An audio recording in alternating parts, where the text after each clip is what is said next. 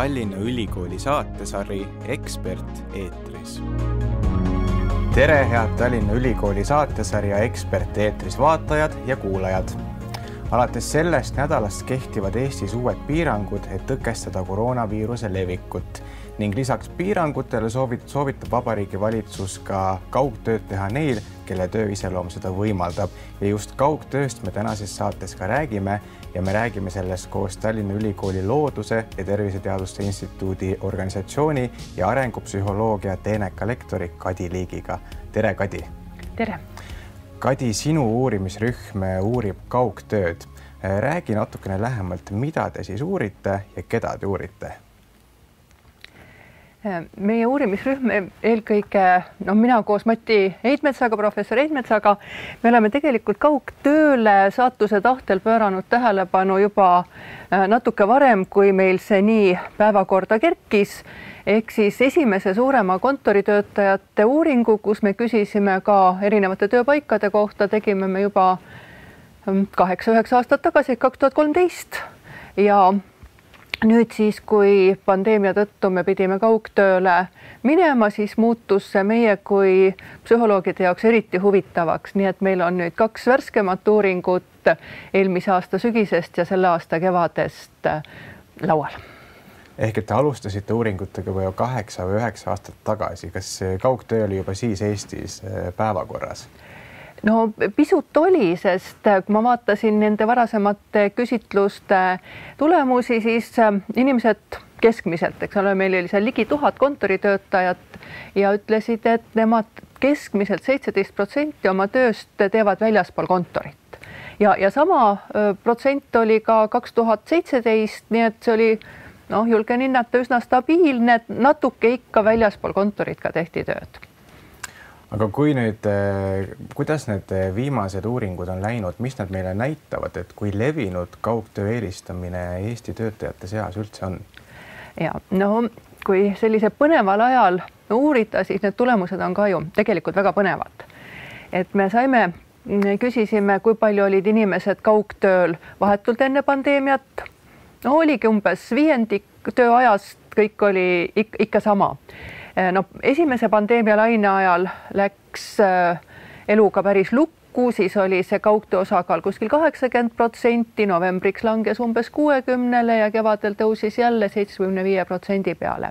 aga mida inimesed tahaksid, see on ju eh, teistpidi põnev, et nendes varasemates pandeemiaeelsetes uuringutes selgus, et inimesed oleks noh, võib-olla kolmandik, umbes kolmkümmend protsenti ajast kaugtööl. me ütleme täpsemalt, et väljaspool oma põhikontorit. Äh, nüüd, kui nad on saanud olla kaugtööl, nüüd nad tahaks olla vähem, kui nad tegelikult on. ehk äh, tuleb välja kuskil pisut alla poole tööajast, nad tahaks olla väljaspool ja ülejäänud aja tahaks kontorisse tagasi ehk et viiruskriis ei ole ainukene põhjus, miks inimesed kaugtööl on, et nad eelistasid ka enne viiruskriisi seda seal olla. milles üldse sõltub, kas inimesed tahavad teha tööd kontoris või pigem nad tahavad seda teha kodus? no siin on ilmselt rohkem kui kaks või kolm tegurit, aga mis meie tulemustest välja tuli, on üks selline, ma julgeks öelda, võtmepõhjus on, et kus on inimesel hea tööd teha ehk äh, mis tuli välja, tuli välja, et eelistati seda tööpaika, kus on vähem töösegajaid ja on inimesi, kellel on segajaid rohkem kodus ja neid on, kellel on see töökeskkond kontoris rohkem segav. ma ütlen siia vahele ka, et me ikkagi uurime eelkõige noh, kontoritöötajaid, sest noh, kui me mõtleme võib-olla seal noh, bussijuhi või päästja peale, et ta ei, ta ei saagi kaugtööd teha, nii et, et need, kellel on see valik ja kui ma veel ühe kõrvalpõike teen, et ma vaatasin, et Riigikantselei teeb regulaarselt uuringuid ja üks nende uuringu küsimus on ka see, et kui palju teie töö võimaldab ja teie tööandja võimaldab teha kaugtööd ja sealt tuleb välja, et umbes kolmkümmend protsenti töötajatest üldse on selliste tööülesannetega, kes saavad kaugtööd teha. nii et noh, meie fookuses on siis ka see kolmkümmend protsenti. aga jah, tagasi küsimuse juurde, et töökeskkonna kvaliteet, eelkõige need töötingimused on, on see võtmetegur, kus no ütleme või see keskkond, kus inimene tunneb, et see sobib tema töö jaoks, kus tal on seda hea teha. ja noh, mõnedele inimestele tõesti võib-olla on kodukeskkonnas sellised head tingimused, ütlen ka võib-olla natuke etteruttavalt ära, et eriti suurte avatud kontorite, kus on palju saginat ja, ja tähelepanu kõrvaletõmbajaid, et nendele meeldib natuke rohkem kodus, teistel, kellel kodus on palju segajaid, nemad tahaks minna kontorisse ja seal rahulikult tööd teha kas ma saan õigesti siis aru, et teie ei soovitaks asutustel selliseid suuri avatuid kontoreid teha, et seal on müra võib-olla töötajate jaoks natukene liiga palju? Ehm, jah, peaaegu, peaaegu nii, sest mida me ka oleme veel teistest äh, töökeskkonna uuringutest erinevaid kontoritüüpe oleme ka uurinud, et äh, see avatud kontor on inimeste eelistustes kõige viimane pigem siis traditsiooniline või pigem tegevuspõhine, kus inimene saab rohkem kontrollida oma noh, töökeskkonda, et mida ta hetkel vajab, aga avatud kontoris tõesti on sellist äh, tahtmatut äh, saginat, äh, müra, tähelepanu kõrvaletõmbajaid rohkem ja keskendumine selle võrra raskem. nii et ka meie uuringust, kui nüüd veel selle juurde tagasi tulla, tuli välja, et Need, kes tahavad rohkem kodus olla, on pigem avatud kontorite töötajad ja need, kes on traditsioonilistest või tegevuspõhistest kontoritest, nemad hea meelega oleks seal kontoris ka rohkem no need, kes jäävad koju tööd tegema, siis tihti on ka kodus tegelikult selliseid segajaid või müra tekitajaid omajagu. kuidas teie uuring näitab, et kuidas eestlastel see kodu ja tööelu selline ühildamine läheb kaugtöö ajal ähm.? Ja see on, on teema ka ütleme rahvusvahelises teaduskirjanduses, aga eks ta läheb niiviisi natuke eh, võib-olla mitte nii hästi, kui me võiks arvata, et ma saan olla kodus, ma saan äh, nüüd ühitada hästi oma kodused eraelulised tegevused, oma tööalased tegevused äh,, mida inimesed kujutavad ette, et ma hoian hulka aega kokku, et ma ei pea tööle minema. tegelikult on see petlik sest kodus on täpselt samamoodi segajaid ja kui ma noh, ütleme, jätame kõrvale selle kevadise aja, kui pered olid noh, mures sellepärast, et täiskasvanud olid äh, kaugtööl kodus, lapsed olid koolist kodus, et seal kodus võis olla no ütleme päris äh, tegevuste ja, ja mürarohke äh, olukord, aga ka võib-olla sellisel ajal, kui nüüd lapsed on, on koolis mul on kodus ikkagi veel teisi segajaid, mul võivad olla seal noh, lemmikloomad, teised pereliikmed äh, seal noh, pesumasin tahab äh, et temaga tegeletakse, siis mu neljajalgne tuleb, ütleb, et lähme käime korra õues ja, ja tahes-tahtmata see katkestab. isegi siis, kui ma olen no võib-olla üksinda kodus. Ja siis vaatan, et tolmutort on tulnud aknalauale, ma pean temaga tegelema. Ja, ja nii see läheb on teil kohe mingisuguseid soovitusi, et kuidas siis äh, kodus paremini toime tulla, et et, et see keskendumine ennekõike tööle püsiks, kui on veel tööaeg? no oleks võluvitsake olemas ja ja mis võib-olla on üks selline ka petlik tunne, mida, mida erinevad uuringud annavad ka natuke vastuolulisi tulemusi, aga äh, et ma kodus olen äh, produktiivsem ja ma saan paremini keskenduda, sest neid kolleege ei ole tõsi, kolleege ei ole, aga minu keskkond on minu jaoks teise tähendusega. Et ma olen ikkagi kodus ja mul on seal oma kodune roll, mul on seal omad kodused toimetused, kodused noh, olulised teised, kes nad iganes on. Ja Äh, siis mul tekib selline väike rollikonflikt, et kas ma siis olen tööl või kodus, et kas ma olen nüüd ekspert, spetsialist või, või olen ma nüüd noh, pereliige või, või võib-olla ka naabrinaine kellelegi, et et see võib tekitada sellist lisastressi, mis ei tekiks sel juhul, kui ma olen tööl. ma olen ka noh, kõrvalpõikena paljude kolleegide puhul kuulnud, kui nad ütlevad kõrval kellelegi, et mul on töökõne ehk Äh, see ikkagi töö tungib nagu sinna pereellu sisse ja, ja noh, kuivõrd me nüüd laseme seda sinna sisse või vastupidi, pereelu tungib tööellu sisse ja ja kui ma olen selles perekeskkonnas, siis on ju eraelul prioriteet. isegi kui ma ei taha seda, isegi kui mul ei ole planeeritud. sa juba rääkisid sellest rollikonfliktist, aga ilmselt on kaugtööl veel mitmeid teisi selliseid tulemusi, mis võib-olla ei mõju inimestele väga hästi. Äh, mida uuringu tulemused näitavad, millised veel niisugused negatiivsed aspektid mm -hmm. on kaugtöö juures? Ähm, on noh, igal asjal kaks medalil kaks külge, aga no mis on võib-olla sellised ähm, terviseprobleemid üks on see, et meil ei ole kodus reeglina niisuguseid töötingimusi, füüsilise keskkonna töötingimused, kui me räägime kontoriinimestest, lauad, arvutid, toolid, mis on tegelikult disainitud kontoritööks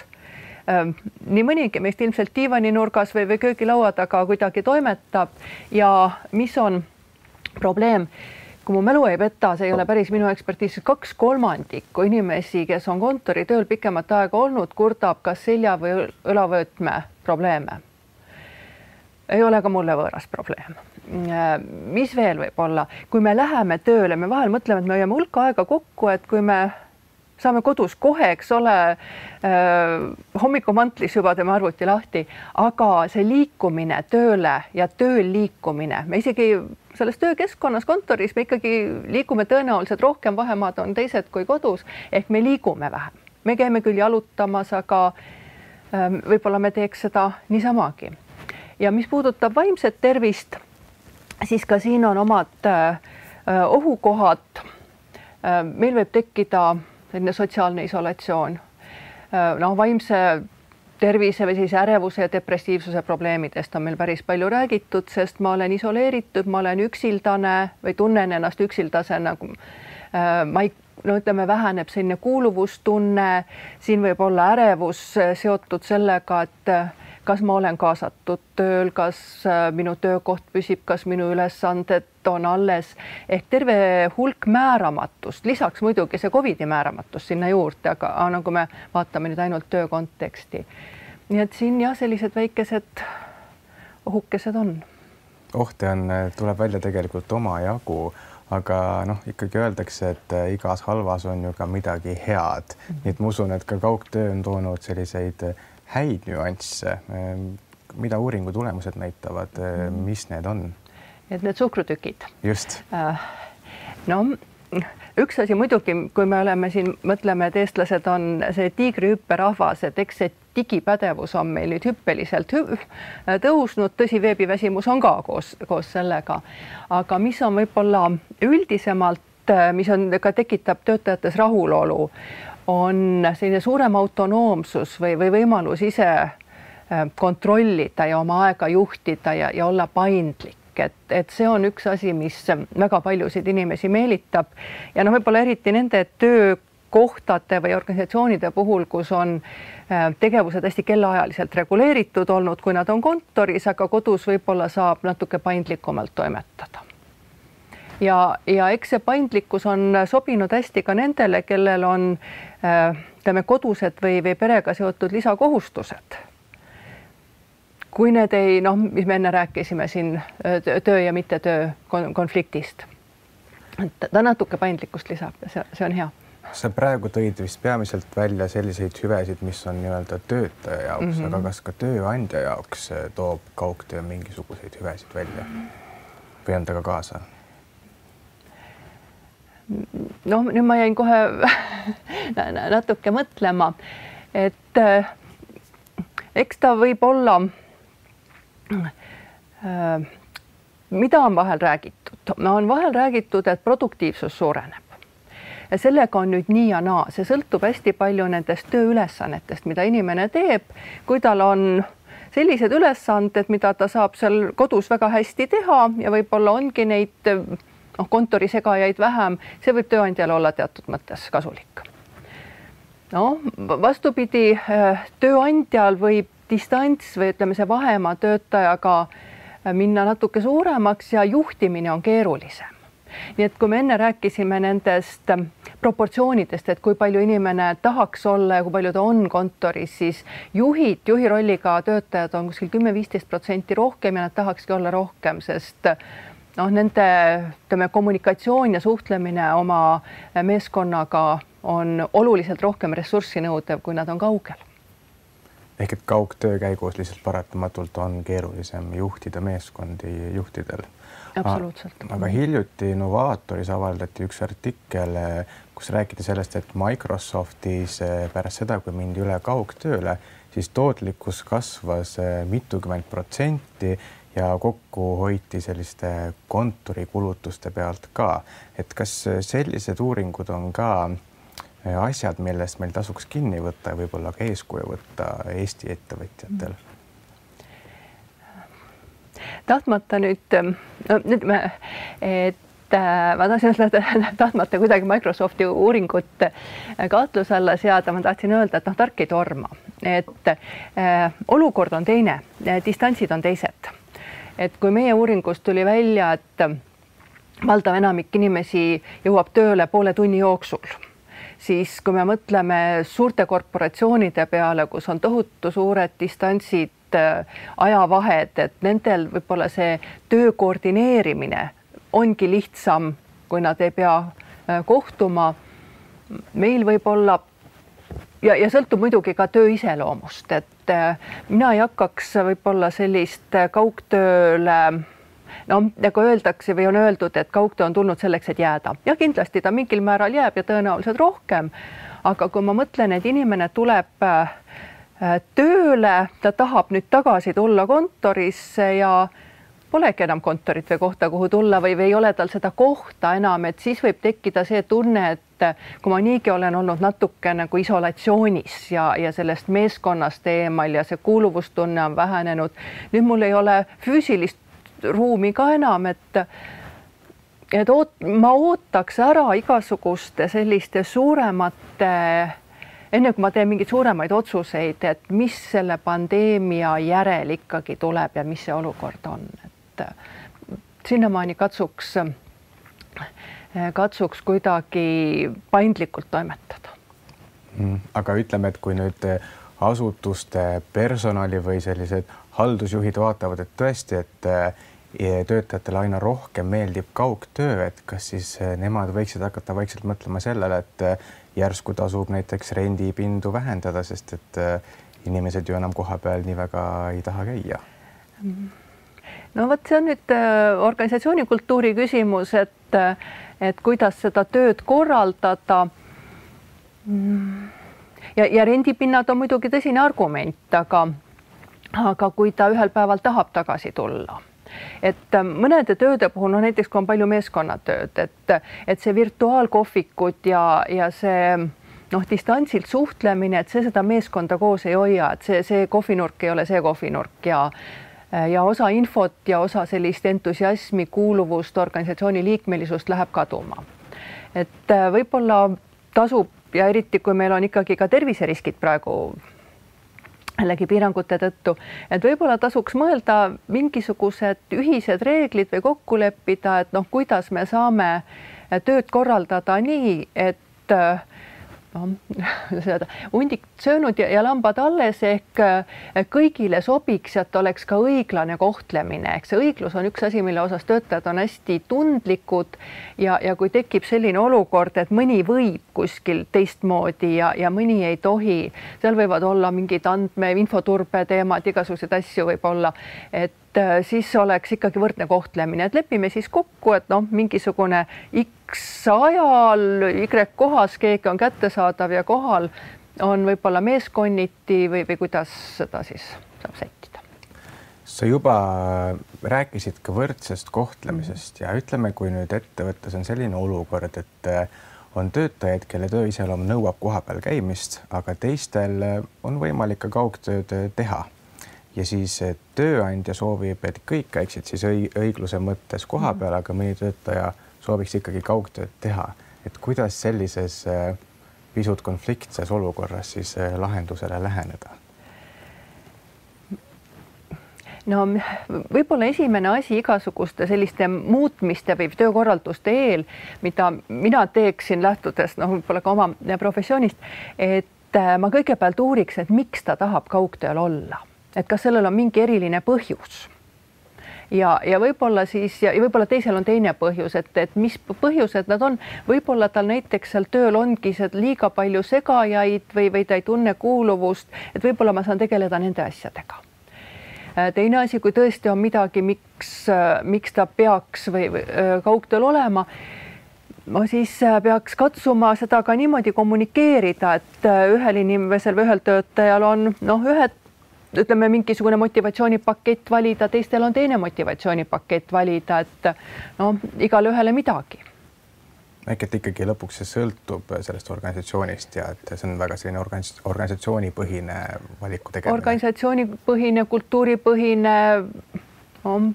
väga, see võib väga palju detaile mm. olla, et oleks selline üks hea reegel, siis, siis me kõik teaks juba, et alati nii ja töötab. no pärast seda, kui pandeemia tuli kahe tuhande kahekümnendal aastal ja inimesed said eh, rohkem proovida sellist kaugtööd, eh, siis eh, paljudel hakkas see meeldima ja nad ei tahtnud kontorisse tagasi tulla ka siis, kui oli tegelikult juba võimalik tagasi tulla. ja selle peale paljud ettevõtted hakkasid selliseid kampaaniaid tegema, et töötajaid tagasi kontorisse saada. mis on sinu soovitused nendele tööandjatele, kuidas siis töötajaid paremini kontorisse saada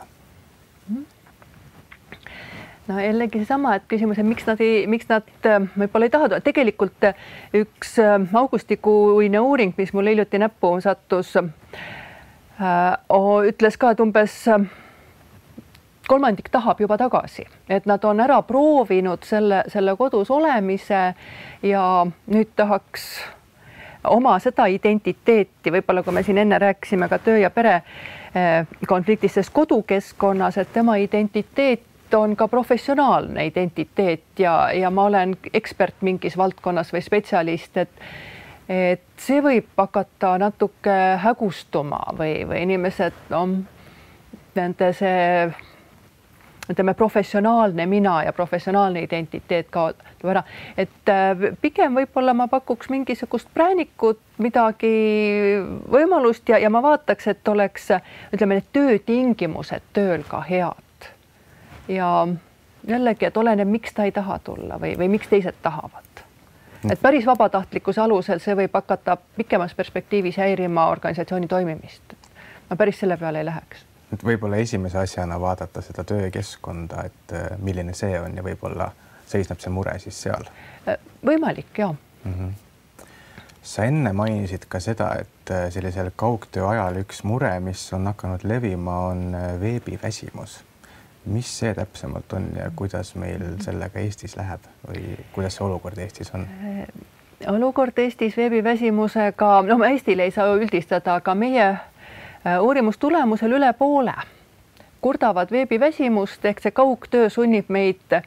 rohkem ekraani vaatama, et isegi tänapäeval, eks ole, digiajastul meil on kontoris hästi palju niikuinii veebipõhist tööd, aga kui meil need koosolekud ja, ja suhtlemine kolleegidega läheb ka sinna ekraani peale, siis no ütleme, tõsisematel juhtudel on inimesed kurtnud ka füüsilist, ütleme füüsilisi vaevusi, peavalud, ebamugavustunded erinevad, rääkimata, eks ole, silmade väsimisest. nii et selles osas võiks ka olla võib-olla rohkem tasakaalu erinevates noh, tööülesannete täitmise kanalites, ütleme nii. et kui saaks kuidagi kaugtööl vähem eh, ekraane kasutada, siis eh, see vähendaks seda veebiväsimust võib-olla. Eh, jah, või, või tuleme siis mingiks hetkeks kohale, mis üks võib-olla detail veel, mis meie möödunud aastasest uuringust välja tuli, et kuidas inimesed suhtuvad üldse veebikoosolekutesse ja äh, tuli välja, et sõltub see sisust, et äh, kui on selline infokoosolek, keegi annab teada mingitest uuendustest, et siis okei okay,, kuulame üle ekraani, teeme samal ajal võib-olla veel midagi muud ka, aga poole kõrvaga kuulame. aga kui on vaja midagi sisulist arutada, mingit äh, tähtsat tööprobleemi või, või mul on mingi noh, isiklik probleem, mida ma tahan juhiga arutada, siis ma tahan näost näkku ehk siis tahab inimene rääkida teise inimesega. nii et äh, koosolekutega ka nii ja naa palju on räägitud ka sellest, et veebikoosolekutel väsitab inimest ära ka see, et nad peavad ennast vaatama ja et see on kuidagi keeruline. kas, kas see on tulnud ka teie uuringutest välja? ja küsisime ka seda ja, ja tõesti, see on noh, üllatav, aga kui palju jälgitakse, me lausa küsisime, et kui palju inimene jälgib ennast ekraanilt ja, ja üle poole ütlevad, et nad vaatavad päris palju, kuidas ma välja näen. Kuidas mul on, kuidas, mis mu taustal on, eks ole, et ja, ja mis see tegelikult tähendab tööle pühendumise vaates tähendab seda, et ma tegelen rohkem oma väljanägemise ja enda võib-olla järgmiseks veebikoosolekuks seadmisega kui selle teemaga, millega me koosolekul tegeleme. et kui me istume näost näkku koosolekul, siis me ei tegele sellega, et kuidas ma välja näen. et kas soovitus võiks olla see, et mõistlik oleks panna see aken kinni, kus sa iseennast näed, kui sa seal veebikoosolekul osaled jah, võiks panna, aga äh, kas inimene paneb see on juba iseasi. ja et ja, ja no eks ta jälgib teisi ka, nii et võib-olla selliseid no ütleme, et keskkonna jälgimisi või teiste jälgimist, seda visuaali jälgimist on rohkem kui äh, kui tavalisel koosolekul, sest tavalisel koosolekul no võib-olla ei ole seda, no kuidas ma nüüd ütlen, sellist äh, nägude esitlust ja meile annab tavalisel koosolekul ka palju rohkem infot, näiteks inimese mitteverbaalne käitumine ehk tema võib-olla poosid, žestid, mõned äh, pealiigutused, mida me sealt veebist ei jaksa nii kiiresti korjata, ehk vaatamegi teisi asju mm. -hmm. ma tean, et sa oled rääkinud ka sellisest terminist nagu küberlooderdamisest, et see mhm. olla meie murekoht sellisel kaugtöö ajal mis see täpsemalt on ja, ja kuidas see, kui hästi see Eestis levinud on? Äh, küberlooderdamine levib meil hästi et termin on tore, aga see tähendab siis seda, et äh, arvutitega töötades või ütleme digi, digivahendeid kasutades äh,, telefonid ju kuuluvad ka siia, siis inimene töö ajal, kasvõi sellesama, eks ole, veebikoosoleku ajal, ta tegeleb teiste asjadega ta tegeleb oma isiklike kirjadega, ta tegeleb oma võib-olla sotsiaalmeediakontodega, ta vahetab sõnumeid ehk ta kasutab seda digikanalit hoopis, noh, mõni võib-olla lappab veebipoode mingiteks muudeks isiklikeks rohkem või vähem vajalikeks tegevusteks. Tööajast, et ta näiliselt nagu osaleb, aga tegelikult on ta mõtted hoopis kuskil mujal aga kas sellised äh, mured ei levi ka tavalises kontoriruumis? Äh, eks nad ikka, aga vähem, sest kontori puhul on natuke teine no selline äh, õhkkond või, või noh, häälestatus ja, ja kontoris noh, liigub ka ütleme selliseid teisi töökaaslasi, kes võib-olla annavad rohkem seda tööalast konteksti Mm. et ja, ja kui ma mõtlen, et mul on seal kontoris see tööpaik, mul on, tekib selle paigaga mingisugune tööalane identiteet, et mul on lihtsam hoida ennast äh, töölainel ja ma tean, et noh, mingil hetkel, kui äh, mul see tööpäev lõpeb, et siis ma tegelen teiste asjadega, kui ma olen kodus, siis mul on töö ja eraelu, kõik on üks kakskümmend neli seitse. Mhm, mhm. et jah, mõlemal pool on nii tööl kui või kontoritööl kui kodutööl, aga, aga kodus kipub seda rohkem olema no meie saateaeg on äh, vaikselt äh, otsakorrale jõudmas, aga no nagu ma enne ütlesin, siis äh, valitsus soovitab juba praegu, et pigem teha kaugtööd, kelle töö iseloom seda võimaldab. Ähm, mida sa soovitad nendele inimestele, kellel on tarvis nüüd kaugtööle minna, et kuidas teha niimoodi, et seda veebiväsimust ei tuleks ja et seda küberlooderdamist ka niimoodi kallale ei tikuks? no jah, ega sellist universaalset soovitust on, on keeruline anda, aga eh, kuidas võiks mõelda, ma võiks ju mõelda niimoodi, et mul on ikkagi tööaeg, noh, klassikaline kaheksa tundi näiteks ja et ma selle aja kasutaks ära töö tegemiseks ja